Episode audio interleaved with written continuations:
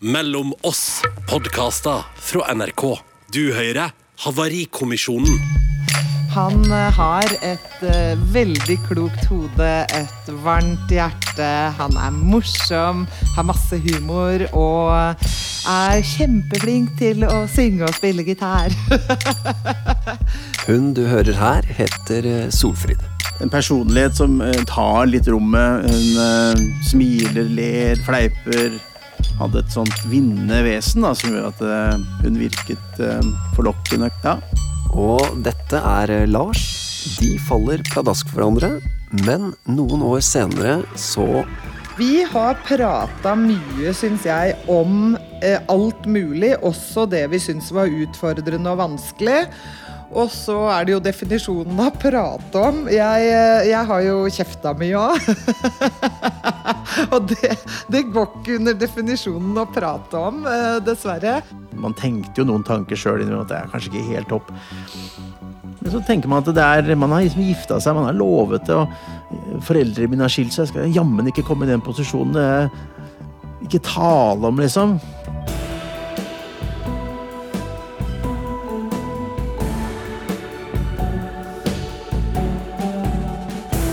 Dette er eh, Havarikommisjonen. Jeg heter Eivind Sæther, og sammen med psykologene Sissel Gran og Dimitri Samoilov skal jeg dykke ned i det som en gang var en eh, lykkelig kjærlighetshistorie, og prøve å finne ut hvorfor eh, forholdet havarerte. Havarikommisjonen. Sissel, er det egentlig sånn at vi rett og slett kjefter litt for mye på hverandre der ute? Noen kjefter ikke noe særlig, og noen har kjefting som metode.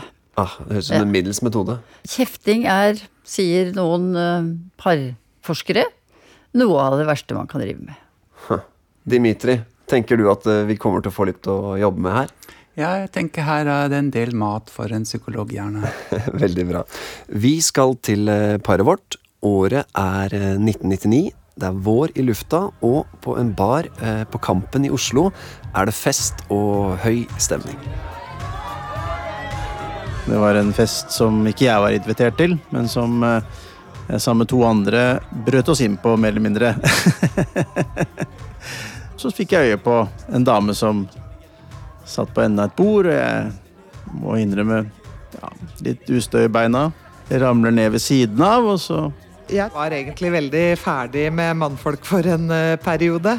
Og så uh, utpå kvelden, da vi hadde skjenka oss eh, relativt godt, så så jeg da en fyr som eh, var om mulig enda mer bedugga enn alle andre. Og Men han var veldig kjekk. det var ikke en sjarmerende stil, for å si det mildt, men eh, jeg, eh, jeg tenkte ja ja, Hun var tiltalende. da, Langt, lyst hår ikke sant, og sånn, og, og veldig sånn lattermild. Eh. Og så kommer han bort, lener seg over skulderen min og sier 'Hallo, baby, skal vi kline?' og så tenkte jeg ja, det skal vi faktisk. det blei egentlig en veldig kjapp stormende forelskelse fordi at uh, han ringte meg dagen etter og ville treffe meg igjen, og etter det var vi egentlig sammen hele tida. og I begynnelsen så var det jo veldig koselig å være i hverandres selskap, da, for å si det sånn. Det var noe med humøret og driven og energien som hun hadde da, som var Gjorde at det ble litt eh, spennende, og litt, man måtte gjerne ringe litt igjen da, og høre på om du skulle finne på en i dag, eller ikke sant. Også. Hun hadde en arbeidsgiver som også hadde motorsykler. Det var veldig kult. Så hun fikk låne Hun hadde lappen, da. Så jeg var liksom eksosrypa på et vis. Så det er spennende, ikke sant. BMW 1300 og fise gjennom eh, landskapet.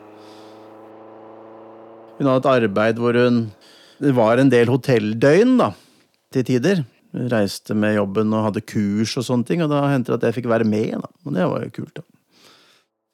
Ja, jeg hadde min eh, første stilling i næringslivet. Og eh, han eh, studerte jo fortsatt. Gikk eh, og tok hovedfag på Blindern. Og jeg hadde jo allerede begynt å jobbe og hadde min egen leilighet på Sinsen i Oslo. Og han bodde i en studenthybel, så det var veldig naturlig at han rett og slett bare flytta inn hos meg i min lille 40 kvadratmeter. Sissel, de her to får jo en, en kjempestart. Altså, de er rusa på livet og på hverandre. Han er veldig flink til å sjekke.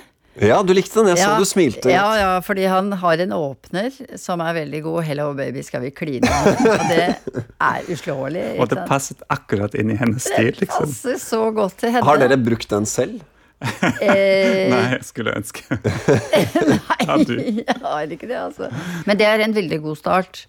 Men det som er så rart, og som kanskje kan snakke litt om, det er hvorfor blir man tiltrukket av hverandre sånn i en sånn start? Og det Begge disse de, de er veldig blide, de har drukket en del. Det hjelper, det ofte. Det hjelper ofte, det er god stemning der de er. Og hun har langt, lyst hår og er en gladjente, ikke sant. Og han er en eh, litt modig og livatt fyr. sånn at det er mye som virker veldig at Det er en god match i starten, altså. Sånt ja-par. Ja, Hun, er det sier ikke det? skal vi, nå skal vi, skal vi kline. Ja, det skal vi. Det og det var litt sånn Ja. Det er veldig hyggelig at dere er så positive på parets vegne.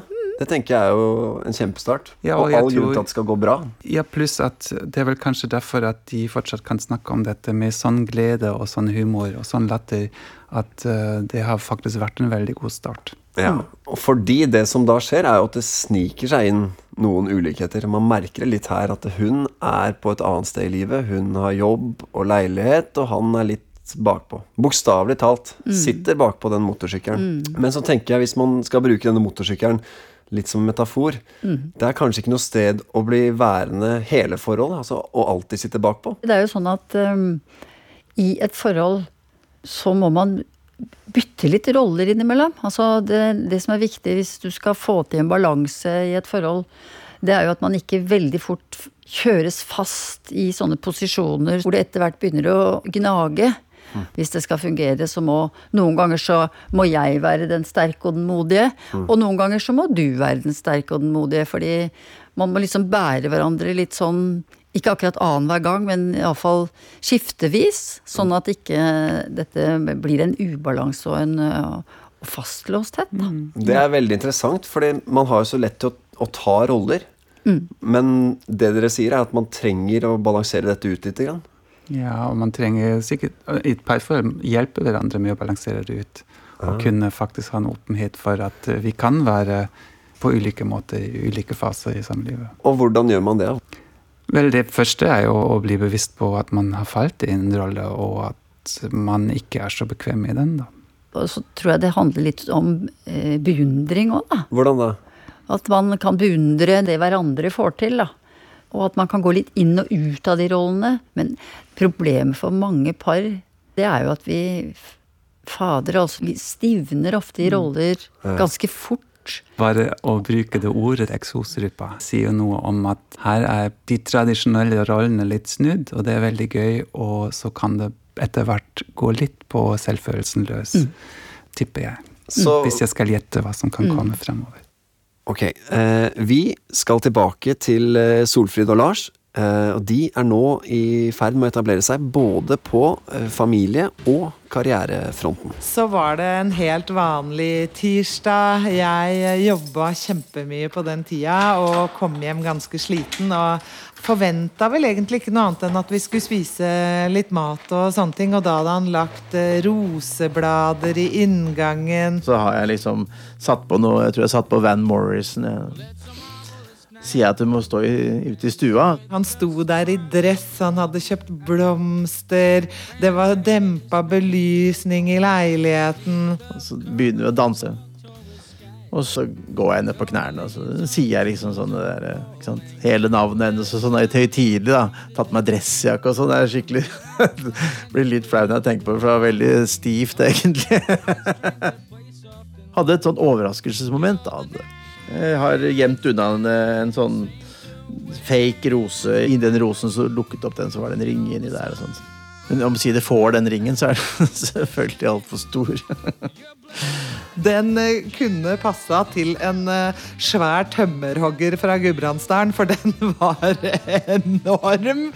Men svaret blei ja uten eh, å nøle. Og, og jeg hadde jo tenkt hele tida at dette er eh, the man. Dette er han jeg har kjempelyst til å skape en framtid sammen med. og ønske meg barn sammen med, osv.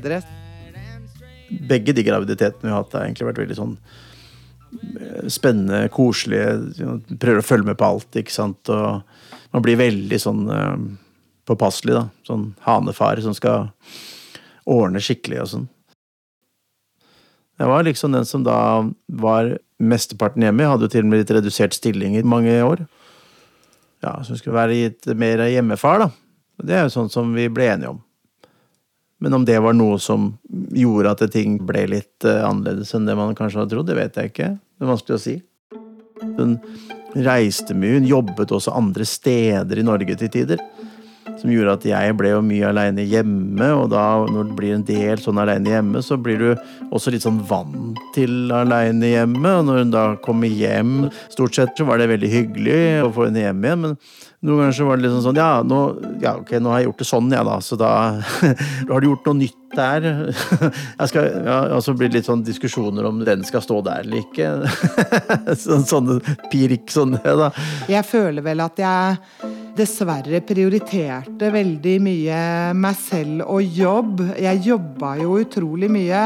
Han var en fantastisk ektemann og tok uh, mye av byrden i heimen. Og lagde mat og handla og har jo alltid vært en fantastisk pappa til barna. Mens jeg uh, jobba veldig mye. Jeg var mye sliten da jeg var hjemme. Når hun jobbet så mye som hun gjorde, så preget det litt hverdagen. At uh, selv om hun var hjemme altså Når hun var med barna, så var hun alltid veldig fokusert. Men når det for eksempel da bare var oss, eller barna hadde lagt seg, eller noe sånt nå, så måtte hun da ikke sant, ta til med litt jobb. Og jeg som jobber som lærer også, måtte jo også forberede litt. ikke sant? Så da ble det den tiden vi kanskje egentlig da burde klippet opp til vår egen lille kjærestetid, da. Den ble allikevel preget av begges arbeid. Læreren må rette, hun må ta noen telefoner og noen mailer hun ikke har fått gjort fordi hun ville være sammen med barna. Hun var veldig god med barna når hun var hjemme. Og hun var mye hjemme, det er jo ikke det, men hun var også veldig mye borte, da. Men når man da fikk litt følelsen av at man ikke kunne sende meldinger, kanskje fordi man var på jobb, ikke sant, og kunne ikke snakke for mye i telefon og sånn, så Og jeg tror at vi har nok blitt litt enige om det, at da, da ble det mindre tid på oss. Man lot det liksom kjølne av litt på et vis, ehm, den derre kjærestebiten. Hva er det du hører eh, her, Sissel? Jeg hører at den som er ute i verden, blir viktigere enn den som er hjemme. Huh. Og at uh, når man da kommer hjem å pirke på det den andre har gjort, så er det ganske vondt for den som er hjemme, og som på en måte drar veldig mye av lasset. Og den som er hjemme, altså Lars, han kan komme til å føle seg ja, undervurdert, eller ikke så betydningsfull, kanskje.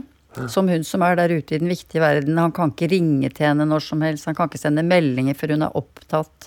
Hun sitter i viktige møter, mens han bare er sånn hjemmefar. Så her skjer det et eller annet som ikke bare handler om avstand, og at de ser hverandre for lite, og at uh, de jobber så mye. Men her har vi mer av den ubalansen. Han er fortsatt eksosrype, han. Ja, det syns jeg ikke. Syns du ikke? Nei, Nei jeg syns jo Nå har de på en måte blitt enige om De har et sånt forhold hvor han tar den biten det hjemme som eh, ofte kvinnen har. Så jeg syns jo det virker som han har uh, del i voksenlivet, tar ansvar for familien. Og så blir det alltid en sånn vanskelig situasjon i overgangen når partneren som er ute, kommer hjem igjen. Det er et emosjonelt stort arbeid. Når man har vent seg til å bli frakobla, til å tenke jeg må klare meg sjøl, jeg må Eh, stole på mine egne vurderinger, mine egne ting. Og så kommer partneren hjem, og så nå skal jeg lene meg på partneren min og skal gi min partner plass og innflytelse. Så det er ofte mye gnisninger akkurat når de kommer hjem igjen. Når man tenker å, så gleder seg til man kommer hjem, og så er det liksom dritt. Ja, og det her må jo være ganske vanlig problematikk. For det er veldig mange som har det sånn. En sånn iboende ubalanse hvor den ene er mye mer ute, og den andre får mer ansvar hjemme. Men, men den som da har drifta heimen, må jo få masse kred. Ja. du må jo da komme inn døra med et strålende smil og si 'fy fader, du er verdens aller beste husfar'. Ja. Eller nå 'åh, 'jeg er så stolt av deg, og jeg er så glad for at jeg har deg', og hadde det ikke vært for deg, så hadde jo hele familielivet gått rett vest. Så hvis man vil ha et bedre forhold, så trenger man rett og slett bare huske på noe så enkelt som sørg for at du lander de første par sekundene. Si noe positivt, kom inn med et smil. Så har du gjort deg selv en kjempetjeneste. Du har det. Og hvis du ikke får det til, så skal du si til kjæresten din når du, hvis du har kommet inn med et surt fjes eller sagt 'hvorfor har du satt den vasen der', eller 'hvorfor har du flytta på den', da?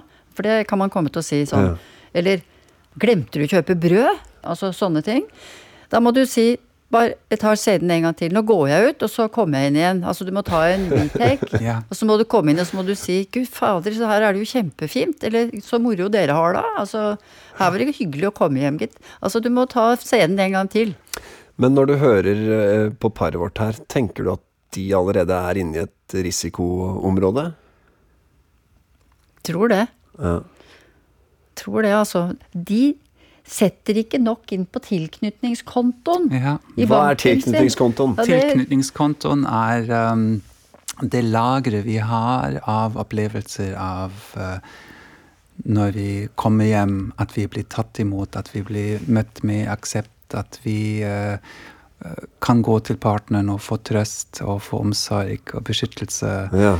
beundring, alle disse tingene som styrker båndet vårt. Ja, ja. Alle de gode tingene. Alle de gode De tingene. gode, vi må liksom tingene. ha de i banken, sånn at vi kan ta noe, noe ut når eh, det røyner på. Riktig. Og de kan stå i banken en stund. Hvor lenge holder denne Du kontoen? vet, penger som står i banken, de blir bare mer og mer. Eh, Så eh, hvis vi ikke tar altfor mange uttak, så kan vi ha en god kapital der. Men vi må passe på det. Ikke bare bruke det opp. Nå skal vi tilbake til paret. Og eh, hennes krevende jobb tar fortsatt veldig mye av tiden. Og det gjør egentlig at ulikhetene mellom Solfrid og Lars bare blir enda tydeligere. Vi er eh, etter min mening veldig, veldig like på mye. Og så har vi noen eh, grunnleggende store forskjeller som kanskje utvikla seg til å bli enda større etter hvert. Og oss to sammen gjorde at vi forsterka på en måte både de gode og de mindre gode sidene hos hverandre. Eh, og han er nok eh, vesentlig mindre mm, strukturert eh, på godt og vondt enn det jeg er. Jeg er jo sånn som eh, bestemmer ekstremt mye. Jeg er utrolig dominant, jeg tar styring, og jeg bestemmer rett og slett altfor mye veldig ofte. Og jeg husker en gang For ja, dette her tenkte jeg jo egentlig ikke så mye på, ikke sant? For det blei bare veldig naturlig at jeg styra og ordna og bestemte det meste. Men så var det en dag som, eh, som han ringte meg, og så sier han ja, jeg tror jeg trenger ei ny olabukse. syns, du, syns du jeg skal kjøpe meg det, eller kan jeg kjøpe meg det? Og da bare tenkte jeg du verden, liksom, hvor langt jeg har gått i å styre og kontrollere. Og det, det, det var rett og slett en sånn derre wake up call. Og så var det nok antageligvis det man kan kalle tilløp til krangler man kanskje burde tatt litt mer ut. Men som på en måte kanskje jeg skal påta meg litt av skylda for at man litt sånn konfliktsky prøver å glatte det over og ikke sant. Nei, men eh, det er ikke så gærent. Og hun spør meg ikke sant, er det noe. Nei, det er ikke noe. Jeg ser at det er noe. Ja, hvis det hadde vært noe, så hadde jeg sagt det, sier jeg jo litt sånn. Men så kanskje jeg burde da ha sagt hva det var. Men jeg, jeg tenkte som så at det, det var kanskje ikke så viktig.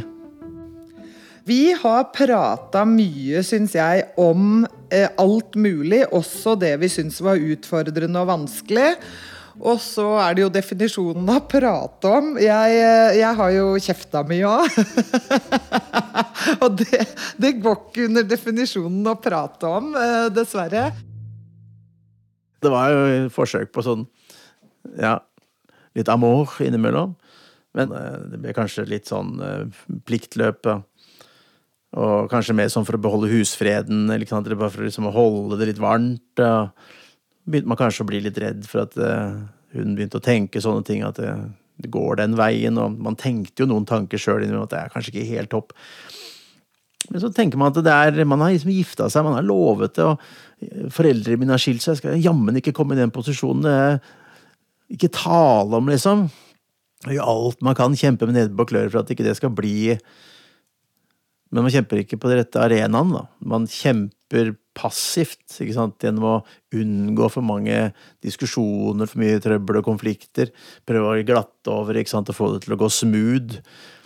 Ettersom jeg nok da ikke sant, var veldig happy liksom, i den situasjonen vi var, i å være familie, så følte jeg liksom at eh, jeg ville sitte litt rolig i båten, da, som det heter. Havarikommisjonen.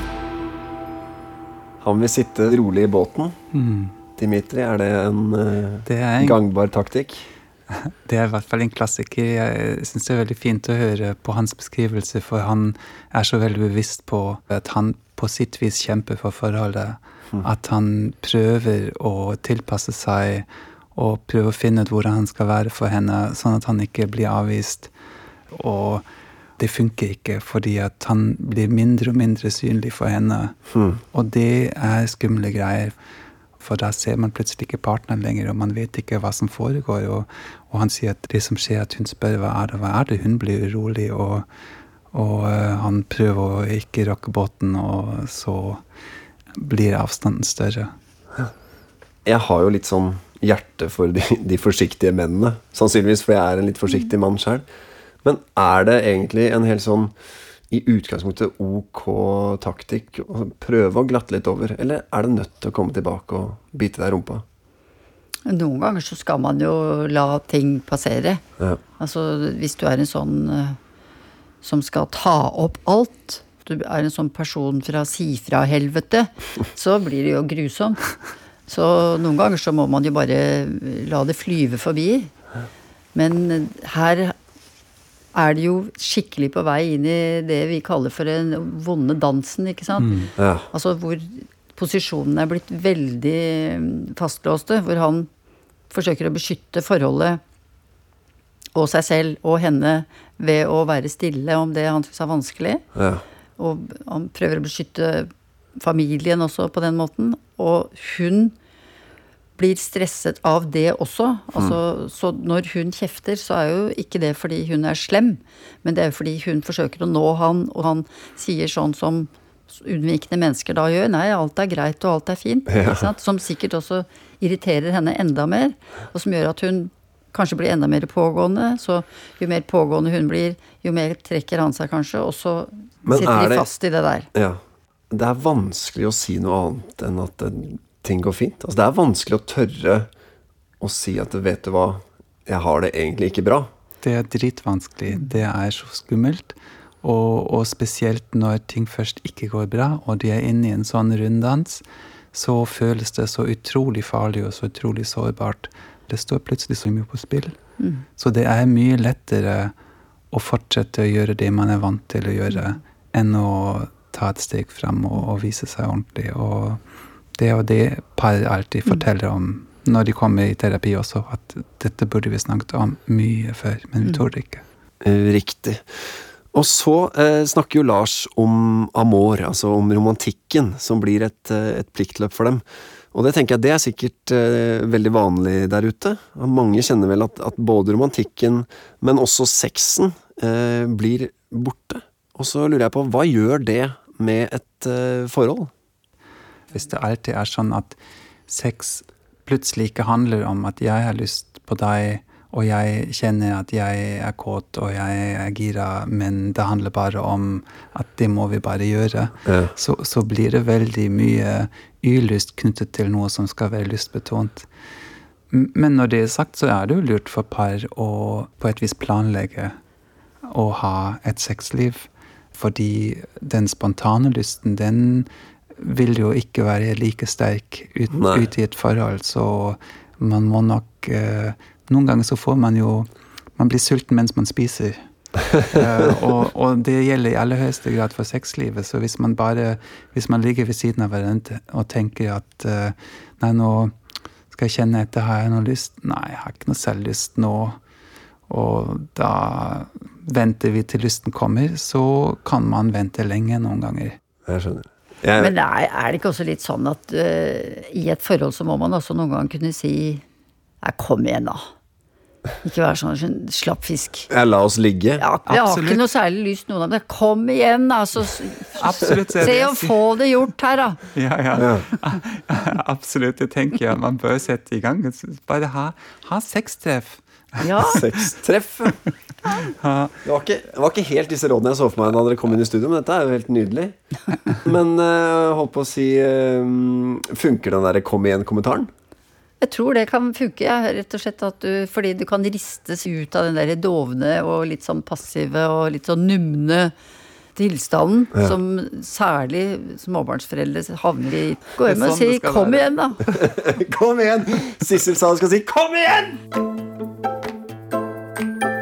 Vi vender tilbake til paret vårt. Det har gått eh, noen år i forholdet mellom Lars og Solfrid. Og nå skal vi få høre at noe som virker som en ganske liten endring i livet deres, ender opp med å snu hele tilværelsen på hodet.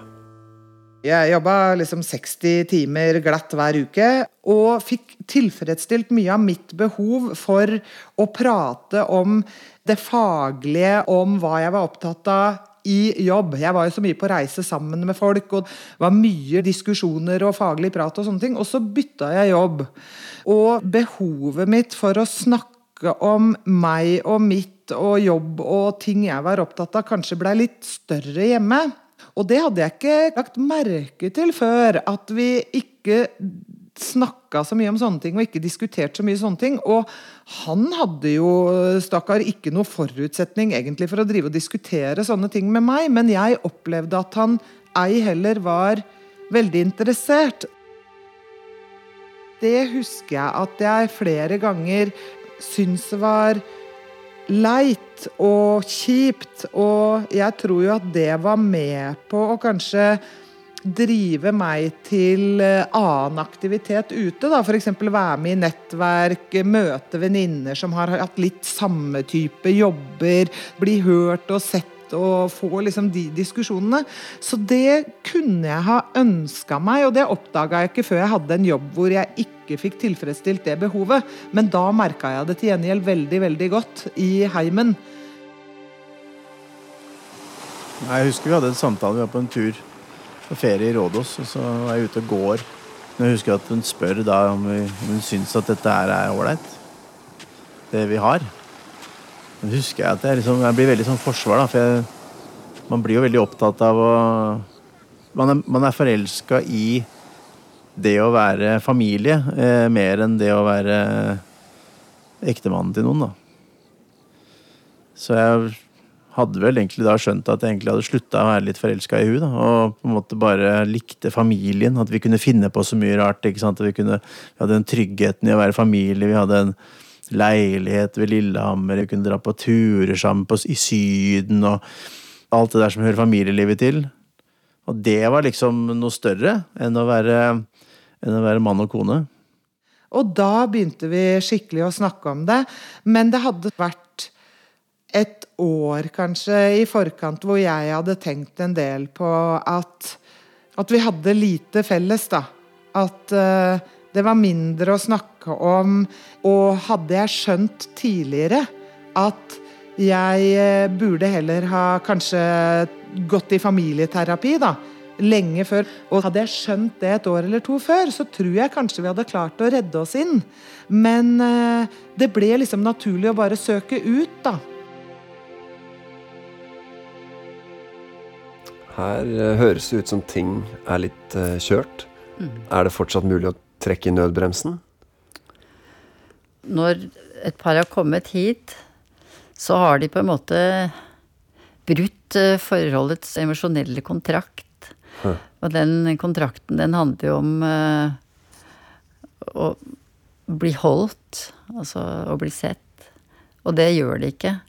Og så syns jeg de har brutt det som du snakker om, Dimitri, de hellige tre. Hva er de hellige tre? De hellige tre er eh, Vi trenger signaler av hverandre, at vi er eh, tilgjengelige for hverandre. Det er T-en. Og hun beskriver veldig at eh, det opplevde hun ikke. Når hun begynte å snakke om jobben, så møtte hun ikke helt eh, et svar. En respons, som er R-en. Og det tredje er engasjementet man har i hverandre, som er én. Så det er TRE. Ja. Um, som, Noen har eh, tenkt. noen har tenkt. Så, eh, som gjør at man føler at man er spesiell for den andre. Og han beskriver jo dette, denne følelsen av nå vet jeg liksom ikke lenger hvem jeg er for deg. Um, om jeg er liksom din utvalgte.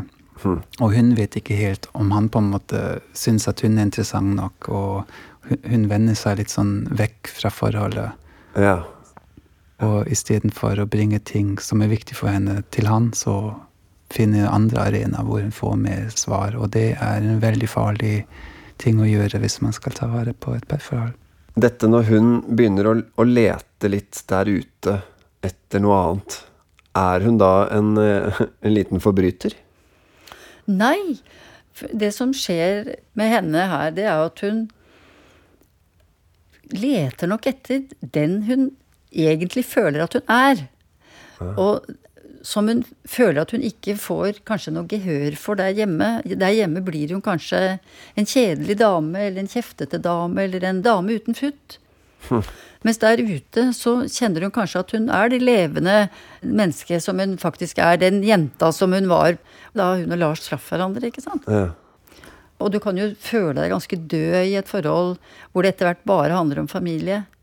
Hvem er jeg i dette forholdet? Så, og det får hun der ute, og så forsvinner hun fra han, på en måte. Og hvis vi bare da skal bore helt konkret inn på henne eh, En kveld før hun skal ut, hva er det hun kunne sagt til han der hjemme som ville snudd ting litt på hodet? Du Jeg har begynt å savne meg sjøl sånn. Husker du hvordan jeg var? Hm. Og, og det er så kjipt at nå plutselig så finner jeg meg ikke på den måten her. Ja, altså de, de må egentlig tilbake til den derre barstemningen på kampen. Mm. Jeg savner hvordan vi var på kampen, for da vi var så bra. Og nå er vi blitt så kjedelige for hverandre.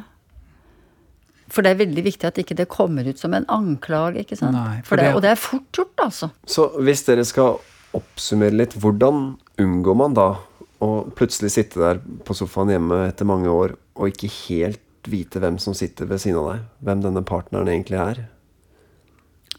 Det, det var veldig godt spurt, for i spørsmålet ditt ligger egentlig svaret.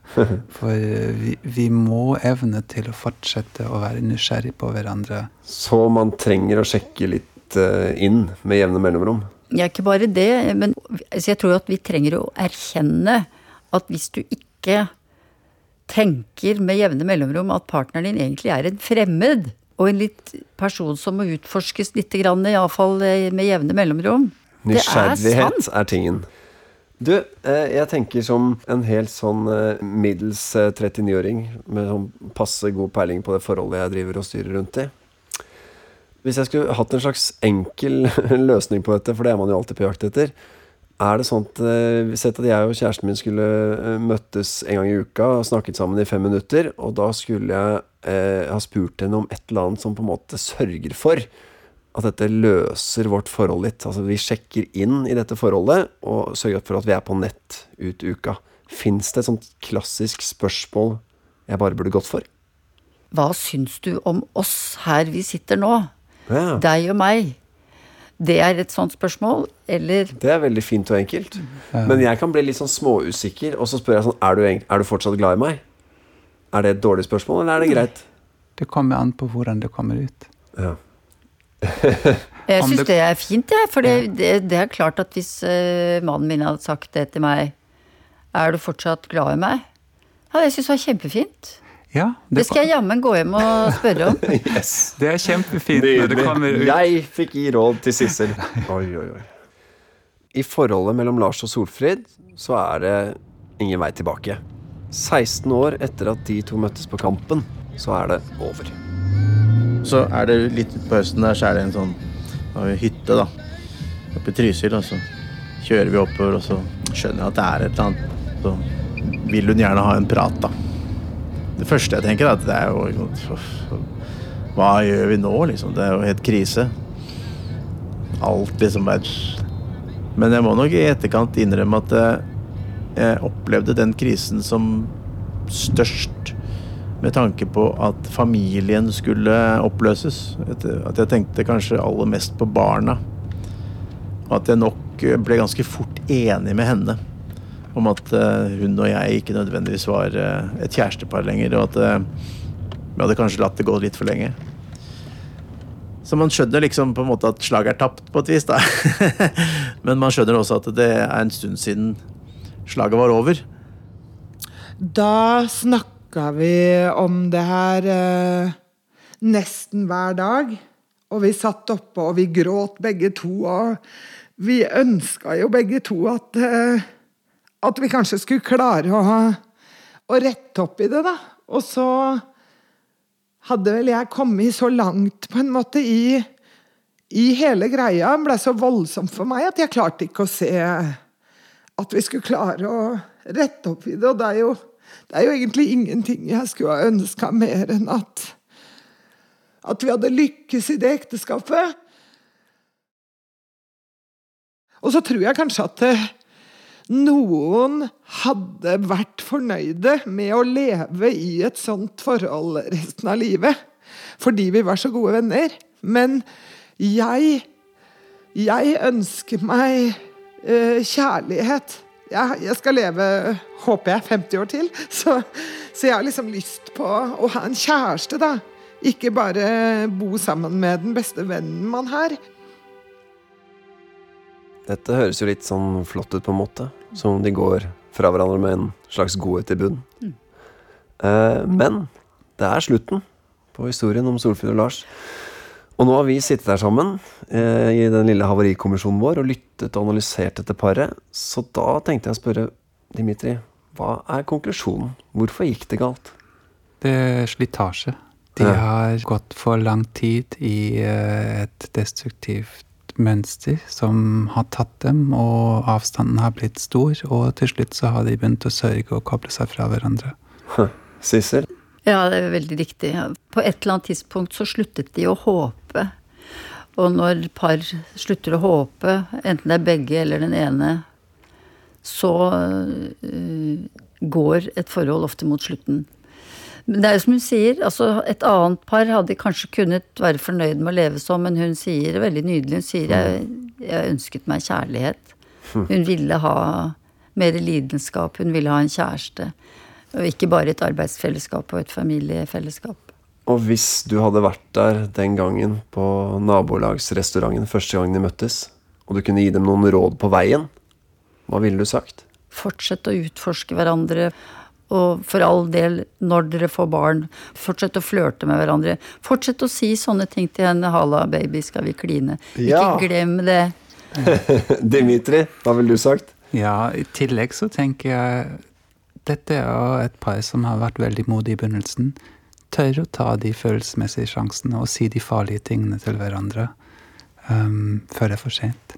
Men det kunne vært fint å berømme dem for det. Ja, det tenkte jeg også. Kan altså, de, si må ha litt ros. Berømme dem for Hva slags fint brudd det egentlig er. De sørger sammen om forholdet. Ja. Og de har hatt en grunntrygghet i forholdet som gjør at det sannsynligvis også er lettere å tåle sorgen. Huh. Det er nesten litt fint. Det er sant. Det er en sånn form for gravpynting, rett og slett. De begraver forholdet sitt, og de gjør det på en vakker måte. Åh, graven er pyntet, og vi er ferdig.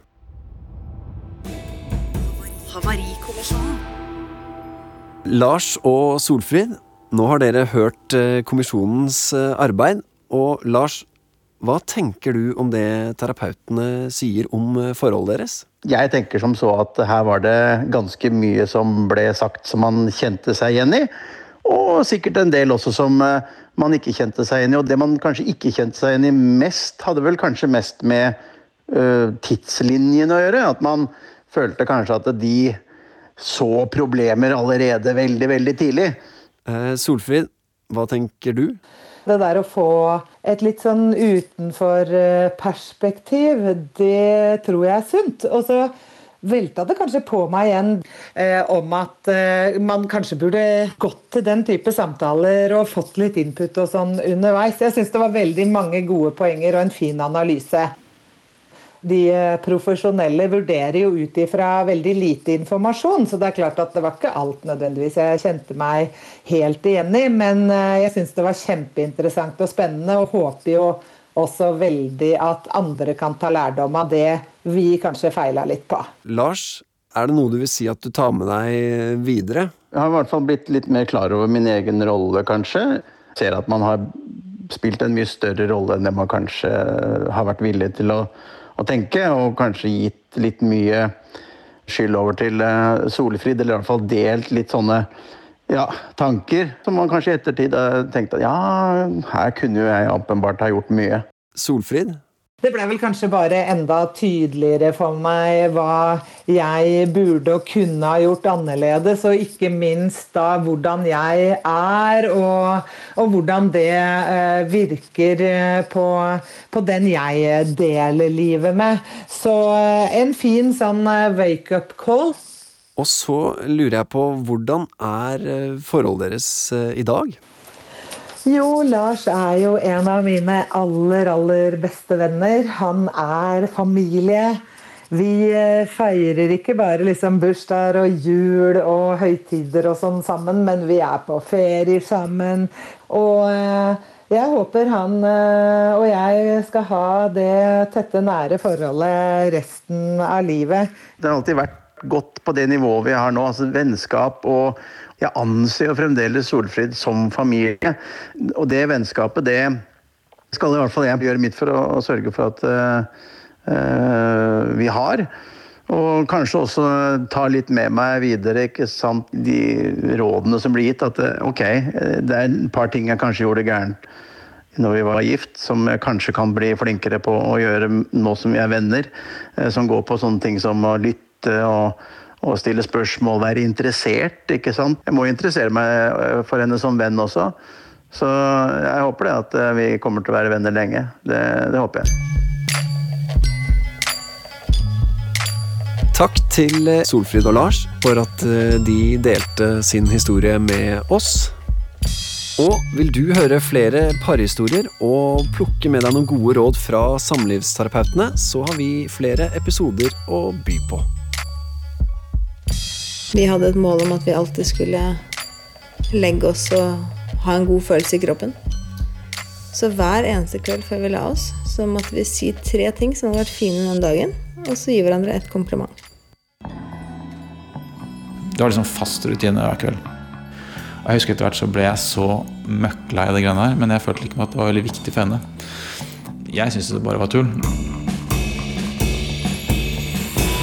Vil du og din ekskjæreste dele deres historie og høre hva parterapeutene har å si om eh, forholdet deres, så sender du en mail til Havarikommisjonen alfakrøll nrk.no. Havarikommisjonen er laget av Caroline Møller og Maja Østerud. Lyddesign på denne episoden Hilde Rolfsnes og Hans Ole Hummelvåg. Og redaktør er Randi Helland. Mitt navn er Eivind Sæther. Du, hvis du liker Havarikommisjonen, så kanskje du liker den første serien i Mellom oss-universet også? Det er en serie som jeg har laget om følelser. Jeg syns det er kult det når folk er sånn skikkelig forbanna på deg. Der møter du mennesker som forteller historier om hvordan én følelse Visst faen er jeg bitter. kan sette i gang de øyeblikkene du aldri glemmer. Det føltes som om han ville det. At han ville ydmyke meg. Lær mer om hvordan følelsene påvirker oss, ved å høre andre fortelle sine historier. Jeg skal innom at jeg hadde skadefryd for Boris Johnson. Jeg håpte faktisk at Donald Trump òg hadde korona. Finn frem til serien Følelsen, en mellom oss podkastserie. Du har nå lovet å holde meg i hånden når jeg dør, da, så vi får nå se om det er fotballkamp da eller ikke.